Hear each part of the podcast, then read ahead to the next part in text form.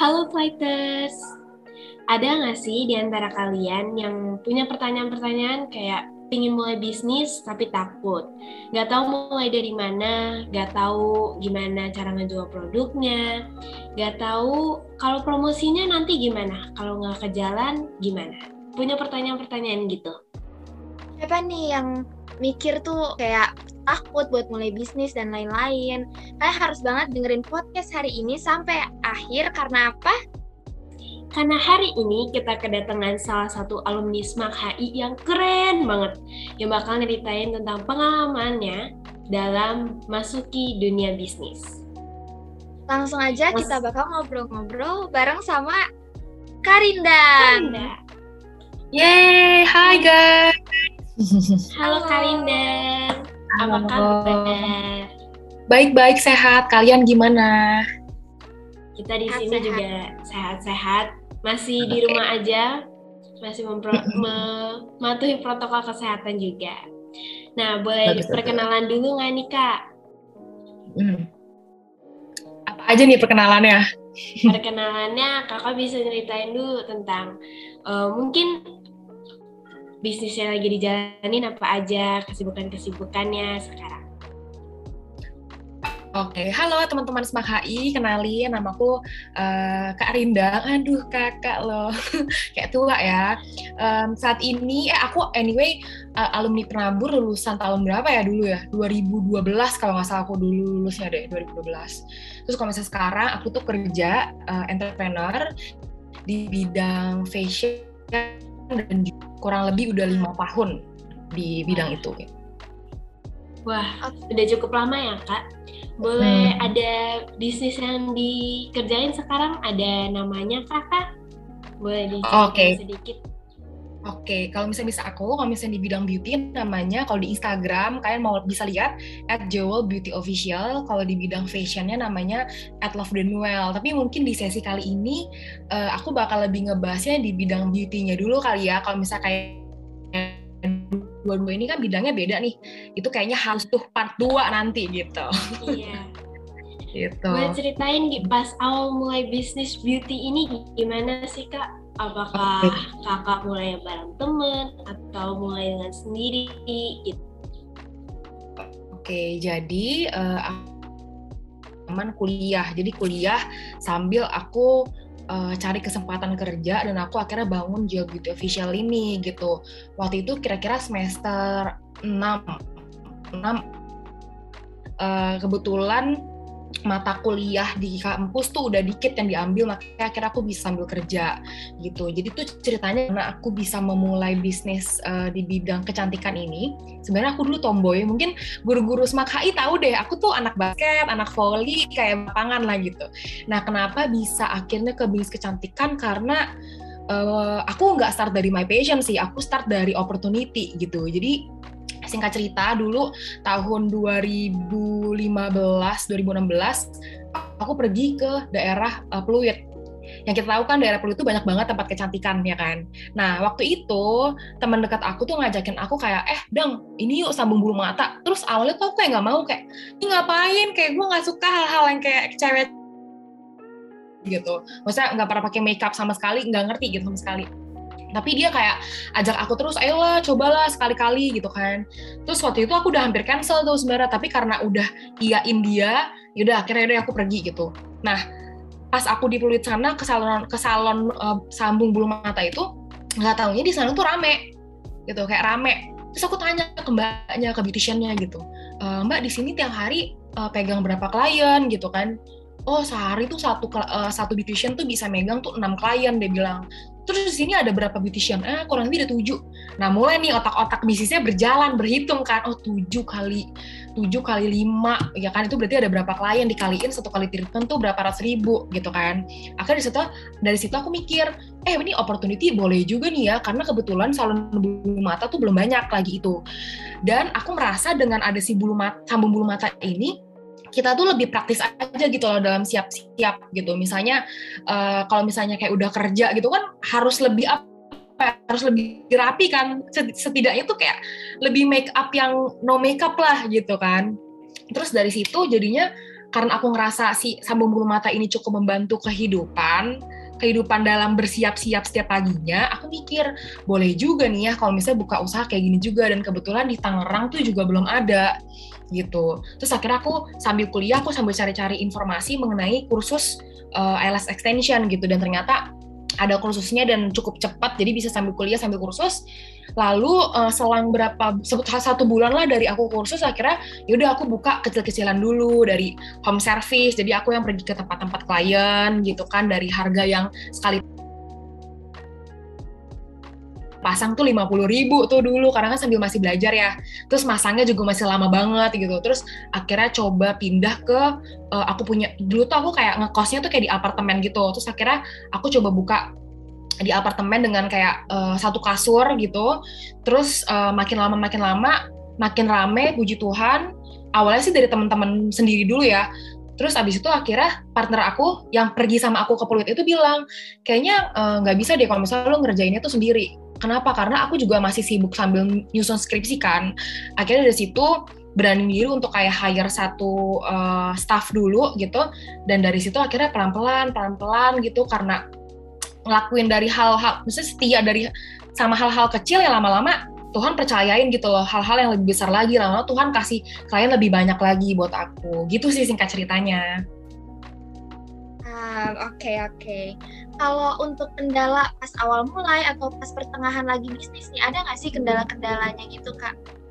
Oke, okay, namanya uh, kendala atau struggle pasti ada ya, nggak cuma entrepreneur ya menurut aku ya, semua bidang sih pasti ada ya kan dan menurut aku kendala itu tuh tergantung sama musim kehidupan kita juga dan tergantung sama musim bisnis kita juga gitu ya kalau misalnya kita bicara hmm, pas awal banget nih aku ngebangun bisnis gitu kendalanya tuh adalah pertama uh, gimana ya cara orang tuh tahu nih bis, uh, produk aku gitu. Gimana mengkomunikasikan produk aku karena ya masih belajar lah gitu ya, masih trial error gitu. Itu yang pertama. Terus habis itu yang kedua uh, mencari apa ya?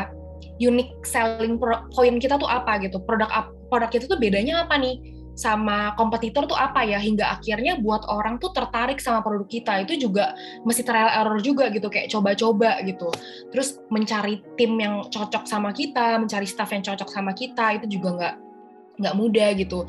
Terus struggle juga dalam uh, mengatur kayak flow bisnisnya tuh seperti apa ya gitu. Flow bisnis tuh dalam artian gini kan kita dalam bisnis itu kan kita butuh kayak suppliernya ya kan kayak untuk bahan-bahan baku segala macam nah itu di awal tuh sulit banget untuk nemuin supplier yang dengan harga yang baik dan juga dengan kualitas yang sesuai dengan standar kita.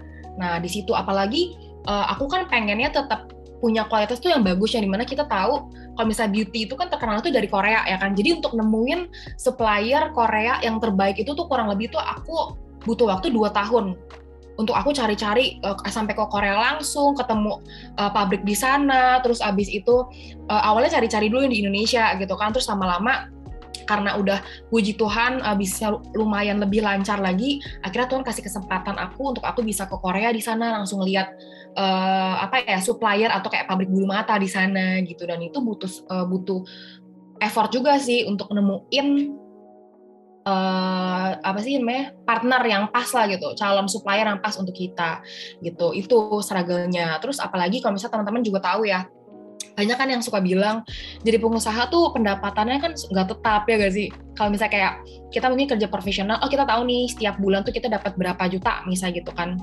Nah apalagi awal-awal kita bangun bisnis kan nggak dalam satu malam kita langsung balik modal. Nggak satu malam kita langsung BP ya kan? Kita butuh butuh waktu untuk uh, menuai apa yang idol kita tabur gitu dan it takes time dan juga effort kita gitu jadi ya awal-awal bisa dibilang effortnya tuh jauh lebih besar gede banget malah bisa dibilang awal tuh kerja rodi dulu gitu hingga akhirnya uh, nanti dibayar kayak gitu itu sih struggle-nya. Ini aku panjang banget gak ceritanya. Masih ada lagi mau dengerin lagi tapi. Gak apa-apa kak. ada banyak waktunya buat dengerin cerita. Oke, oke, oke. Nice, nice, nice. Nah, itu kan struggle-nya. Nah, tadi kan aku bilang struggle-nya itu tergantung musim bisnis kita kan. Nah, kalau sekarang, kalau misalnya kita lihat, sekarang nih musimnya kan karena lagi pandemi ya, lagi cukup berat lah musimnya gitu menurut menurut aku gitu. Nah, apalagi kayak Jewel ini kan di bidang service ya, jasa gitu. Dan benar-benar human touch. Jadi kayak klien datang ke studio aku, kayak misalnya mau manicure, kan kita pegang tangan dia gitu kan. Jadi tingkat insecure orang tuh tinggi lah buat datang. Apalagi PSBB, PPKM yang mau nggak mau kan kita harus tutup ya, harus taat dong sama sama aturan. Nah dua tahun ini tuh bener-bener struggle-nya tuh luar biasa banget gitu. Jadi kayak badainya tuh wah besar lah gitu ya aku rasain gitu. Tapi ya aku juga percaya gitu bahwa badai ini tuh terjadi Tuhan juga gitu yang izinin dan justru kita sebagai entrepreneur juga jadinya banyak banget gitu loh hal yang yang dipelajarin gitu kayak di pandemi ini kan aku punya empat cabang sebenarnya kan uh, beauty studio ini. Aku tutup akhirnya tiga, jadi sekarang sisa satu yang ada di Tangerang. Jadi sisa satu yang di Tangerang. Terus ada beberapa karyawan juga staff yang mau nggak mau akhirnya aku tuh harus cut juga. Nah tapi dari sini aku belajar untuk kayak nerima gitu loh, kayak terima keadaannya gitu. Karena kita nggak bisa ngubah keadaannya ya kan. Tapi yang kita bisa ubah adalah respon kita gitu. Nah ini nih kita tuh secara uh, menjadi entrepreneur tuh diuji banget nih kedewasaannya gitu pada saat kayak gini kita bisa gak nih jadi orang yang uh, bisa pikir uh, positifnya apa? Apakah kita bisa uh, minta nih dari Tuhan hikmat kayak uh, apa ya yang harus kita lakuin nih dari dari hal ini dari dari kendala ini gitu. Tapi uh, setelah aku refleksi diri lagi ternyata pandemi ini justru uh, buat aku tuh bisa belajar uh, untuk kerja tuh kayak lebih pintar lagi, lebih giat lagi, terus berpikir justru lebih kreatif lagi kita sebagai entrepreneur. Kita tahu nih, oh, ini kendalanya ini. Kita nggak bisa buka nih studionya. Berarti apa nih harus kita lakuin? Eh, ternyata bisa dong. Aku bikin workshop online. Aku akhirnya bikin workshop online, terus aku bikin waktu itu bikin program namanya nail art di rumah aja. Jadi nanti kita tuh kirimin kayak paket nail art, terus nanti kita nail art bareng-bareng via online gitu. Ternyata bisa gitu kita kita uh, lakuin gitu.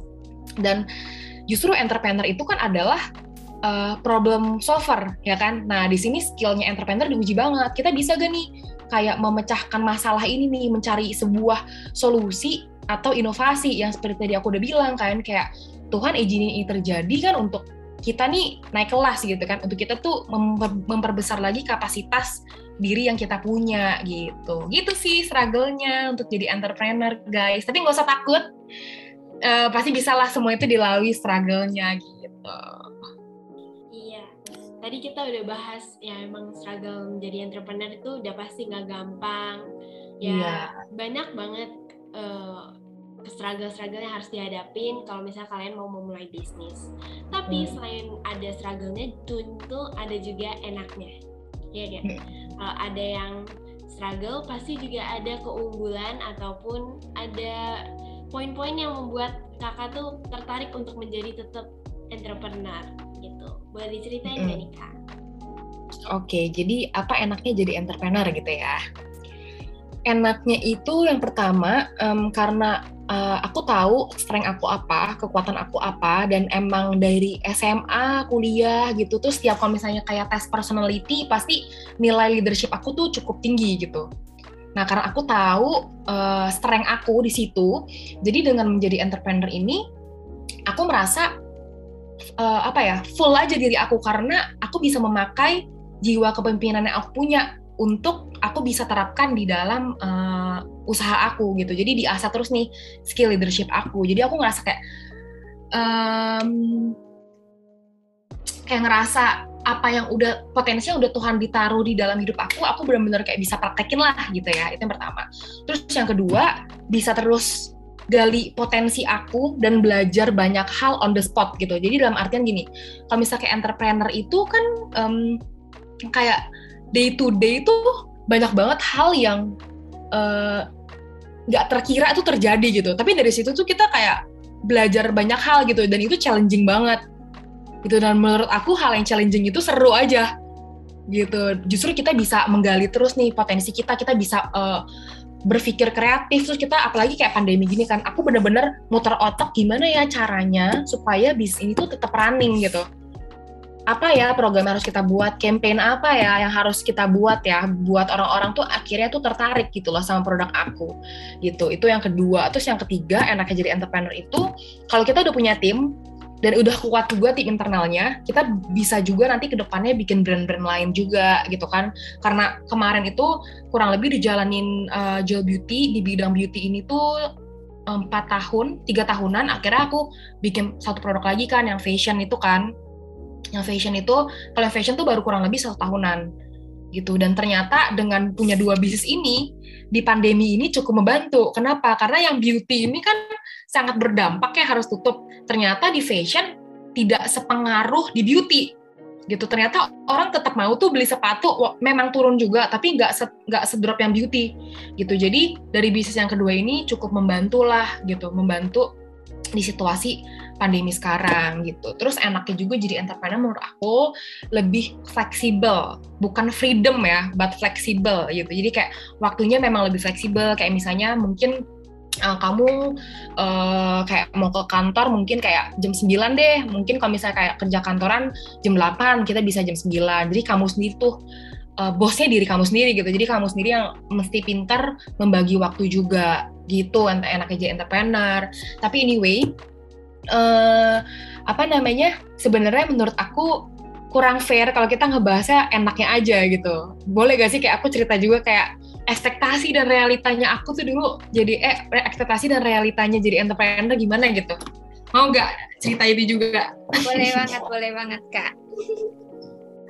Kan tadi aku bilang ya kalau misalnya kayak jadi entrepreneur tuh enak waktunya fleksibel. Kayak banyak orang tuh suka bilang kayak eh, jadi entrepreneur uh, punya time freedom gitu. Tapi tadi aku bilang kan kayak bukan freedom but fleksibel gitu. Sebenarnya kalau misalnya jadi entrepreneur itu justru kayak nggak ada jam kerja menurut aku kayak bisa nih ya bangun tidur misalnya bangun tidur jam 6 wah itu udah dicariin orang tuh kayak mesti balesin chat gitu. Terus udah gitu sebelum tidur juga kayak kadang tuh masih kayak kepikiran juga bisa gimana besok gimana tuh kayak masih lah kepikiran kayak gitu juga. Dan di mana pun kita berada tuh pasti apa ya kita megang HP kan. Dan entrepreneur tuh justru office-nya tuh di HP gitu. Kerjaan kita tuh di HP nih kantor kita tuh HP kita gitu. Karena kan day to day itu kan pasti ada pengambilan keputusan ya dan kita harus ambil keputusan dengan cepat. Jadi ya harus sering lihat HP juga gitu. Terus udah gitu kayak banyak orang juga bilang jadi entrepreneur itu money freedom ya kak ya. Duitnya banyak gitu kan. Cuannya banyak gitu. Tapi sebenarnya justru justru jadi entrepreneur kita belajar juga nih untuk kayak ngelola ngelola uang kita tuh gimana gitu. Karena kan tanggung jawab kita juga besar kan kepada tim kita pengeluaran kita operasional kita kayak gitu. Apalagi kayak di saat pandemi ini gitu. Uh, justru menjadi entrepreneur itu aku sadar bahwa hmm, kita tuh sebagai leader itu harus mengutamakan tim kita dulu. Gitu kalau misalnya teman-teman nih mau baca buku baca deh buku uh, dari Simon Sinek.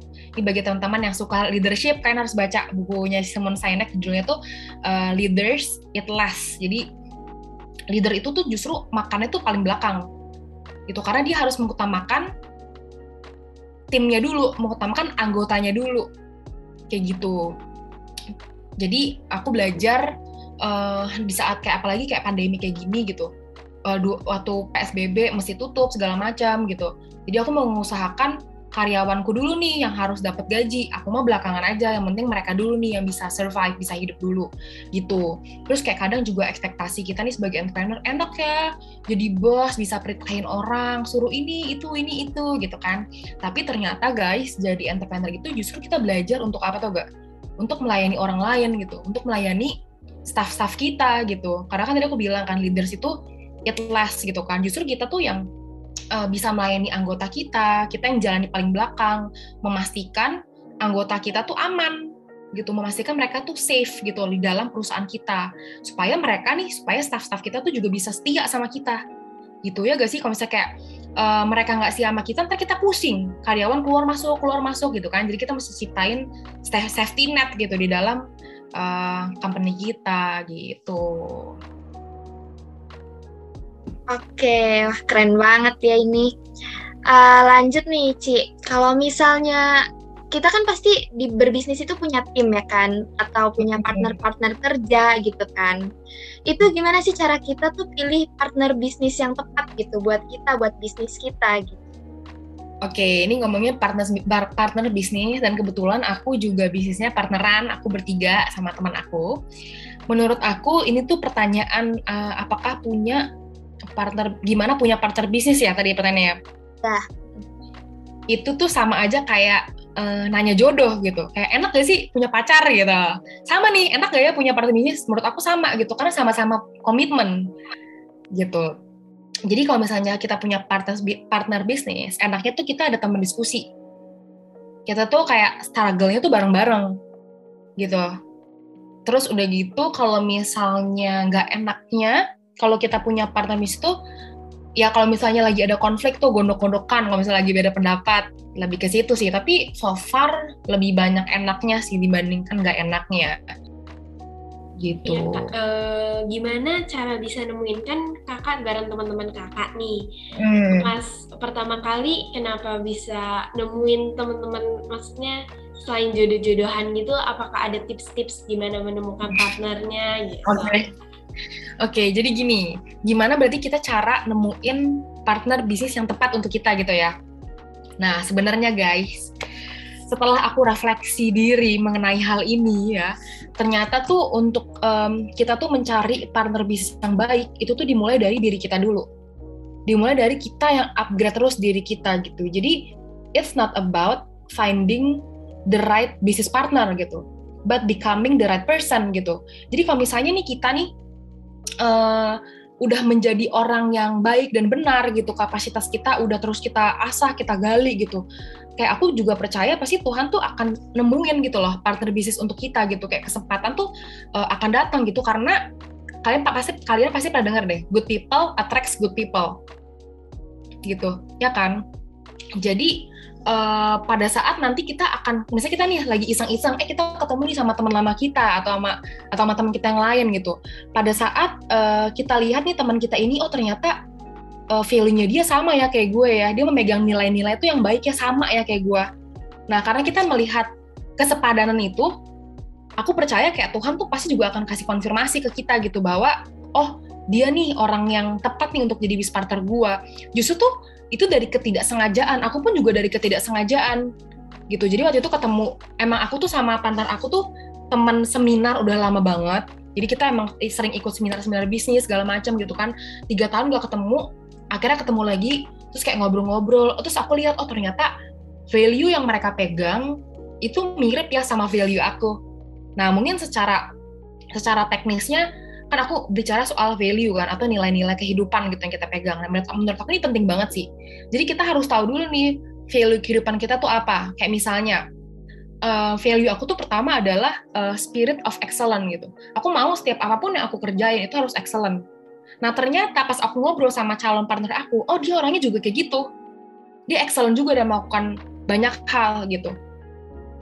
Nah akhirnya udah mulai nih, oh ini oke okay juga nih gitu kan, udah dapat sinyal-sinyal lah gitu kan kayak sama lah kalau misalnya kalian lagi PDKT kan sama orang kayak kalian lihat oh menarik nih gitu kan. Masih kayak centang gitu kan. Terus abis itu kedua aku lihat oh ternyata dia nih value-nya juga sama kayak aku yang di mana kita tuh hidup tuh harus terus mau belajar dan juga berbagi gitu. Jadi harus terus um, memiliki sifat menjadi seorang murid di mana kayak kita mau belajar terus hal yang baru kita mau dengerin orang dengerin pendapat orang lain gitu. Tapi kita juga harus belajar menjadi seorang guru juga di mana kita juga mau berbagi pengetahuan kita, kita mau sharing apa yang udah kita dapat juga. Terus uh, selain itu juga kita terus belajar mau punya growth mindset juga yang di mana mau kerja keras mau belajar lebih punya dedikasi waktu dan juga ruang untuk improvement skill kita juga gitu loh menjadi yang terbaik di arena kita juga kayak gitu. Terus udah gitu integritas juga itu value yang aku pegang juga integritas. Apa kita tuh melakukan sesuatu tuh sesuai gitu loh sama apa yang kita tuh udah ucapin kayak gitu. Terus habis itu value yang terakhir juga aku pegang tuh kayak apakah orang ini tuh juga bergantung kehidupannya sama Tuhan gitu. Agama nggak mesti sama, tapi kita lihat apakah mereka tuh juga memiliki iman yang besar juga nih dalam melakukan sesuatu yang ada di tangan mereka gitu. Jadi menurut aku untuk mencari partner bisnis itu yang penting adalah ya value-nya itu sih. Value-nya value-nya sesuai sama kita apa enggak gitu. Terus udah gitu ya apakah dia bersedia jadi partner kita? Udah itu aja. dan visi misi mungkin kita juga bisa ngomongin kan kayak kenapa kita pengen bis, bikin bisnis uh, jewel misalnya beauty. Oh ternyata visi misinya sama nih sama dia sejalan nih sama dia. Ya kalau sejalan ya udah lakuin. Tapi kalau misalnya ternyata tujuannya dia beda gitu dia mau ke kiri gue mau ke kanan ya udah jangan. Jadi uh, untuk cari pantai bisnis yang tepat dari awal udah harus dibicarain. Emang udah harus dibicarain terang-terangan gitu Oke, jadi nih um, Karindang teman-teman kita di luar sana itu kan pasti banyak banget nih yang mau terjun ke dunia bisnis, baru mau mulai dan lain-lain gitu kan. Um, ada nggak sih saran-saran buat teman-teman di luar sana biar mereka tuh makin berani, makin um, pede buat mulai suatu bisnis gitu? Saran-sarannya apa aja sih dari Karindang? Oke, gimana untuk kita bisa ngebangun bisnis ya? Jadi aku belajar um, bahwa bisnis itu tuh sebenarnya teman-teman nggak cuman bicara soal what is your passion, terus apa yang kamu suka enggak, nggak cuman itu, tapi bisnis itu adalah komitmen gitu. Karena apa yang kita suka atau kayak passion kita itu bisa berubah loh. Misalnya lulus kuliah, kak aku suka masak, nanti tiba-tiba bisa aja berubah yang lain atau nambah lagi passionnya itu bisa aja gitu. Tapi bis itu bicara soal komitmen. Apakah kamu terus mau uh, jalanin terus nih bis kamu tuh dengan sepenuh hati, sepenuh hati kalian gitu kan? Aku sampai salah ngomong nih gitu kan, saking semangat banget. Nah, terus uh, sebenarnya untuk mau step awal banget memulai bisnis itu dimulai dari apa yang ada di tangan kita dulu sih. Sekarang kita bicaranya soal karena kalian masih duduk di SMA, jadi menurut aku step awal nanti karir kalian ke depan entah jadi bisnis atau jadi profesional itu dimulai dari kalian dulu bangku sekolah. Apakah kalian itu bertanggung jawab nih sama uh, sekolah kalian? Gitu. Apakah kalian excellent di dalam kalian belajar, di dalam kalian di dalam tuh kalian ujian gitu kan. Itu kan bentuk komitmen kan kita mau belajar apa enggak, kita mau berusaha itu kan komitmen. Tuh, dari komitmen kecil tersebut aja kita udah belajar nanti pasti ke depan ke depannya ya Tuhan akan percaya lagi komitmen yang besar untuk kalian gitu. Jadi kelarin dulu sekolahnya, terus nanti pada saat kayak Tuhan lihat oh kapasitasnya udah siap nih, yang kesempatannya akan datang. Nah, pada saat kesempatan itu datang, kalau mau lebih spesifiknya lagi gimana Kak cara buka bisnis? Yang pertama menurut aku uh, start with why gitu. Jadi kayak kenapa nih kalian pengen bikin bisnis? Oh Kak, karena um, apa namanya kebetulan aku memang harus lanjutin usaha papa mama misalnya. Atau kenapa buka bisnis karena karena aku suka banget kak uh, misalnya makeup. Aku pengen jadi makeup artis kak gitu. Atau mungkin uh, kak aku suka banget otomotif. Aku pengen bikin misalnya bengkel mobil atau motor gitu kan. Jadi kayak ya start with why kamu gitu. Why kamu pengen bikin bis itu? Setelah kamu tahu why kamu apa kamu buatlah itu plannya apa gitu. Plan itu kan supaya kita bisa tahu kan tujuan kita tuh ke mana arah kita tuh gimana gitu. Plan itu kan adalah preparation ya kan? Dan aku belajar dari gereja aku jadi waktu itu pasar aku pernah bilang prepare itu tuh adalah ekspresi dari iman kita gitu. Jadi ternyata dengan kita prepare berarti itu kita beriman bahwa uh, apa yang mau kita pergi apa yang mau kita dapetin itu pasti akan terjadi gitu ya kan? Jadi kalau misalnya kita prepare kita mulai tahu nih tujuannya ke mana misalnya aku mau ke New Zealand kak. Oh berarti kalau ke New Zealand negara yang dingin kita harus prepare apa? Baju musim dingin ya kan? Terus kita mesti prepare visa kita mesti prepare uh, apa namanya paspor juga gitu kan? Ya sama gitu di bisnis. Apa nih yang harus kalian prepare? Misalnya kalian mau uh, um, punya tempat uh, toko kue misalnya. Oh berarti di prepare nanti aku lulus SMA kak. Aku bakal sekolah baking nih. Aku bakal ngambil misalnya perhotelan atau misalnya mau langsung kursus masak misalnya kayak gitu. Jadi coba di di kayak gitu. Nah terus habis itu uh, selain itu kalian juga lagi mu lagi masa muda nih. Banyak-banyakin deh misalnya uh, prepare tuh dengan cara ikut-ikut workshop atau kayak seminar-seminar perluas networking kalian gitu. Karena di dalam bisnis itu penting adalah networkingnya gitu. Terus udah gitu um, apalagi ya modal juga ya kan? Waktu itu aku modal tuh kebetulan karena aku juga udah nabung terus dibantu sama family aku juga. Waktu itu modalnya juga nggak gede sih aku benar start from zero banget. Waktu itu juga family aku untuk kayak aku minjem modal mereka juga mesti bikin proposal bisnis juga. Bisnis plannya juga harus matang gitu baru mereka mau kayak gitu.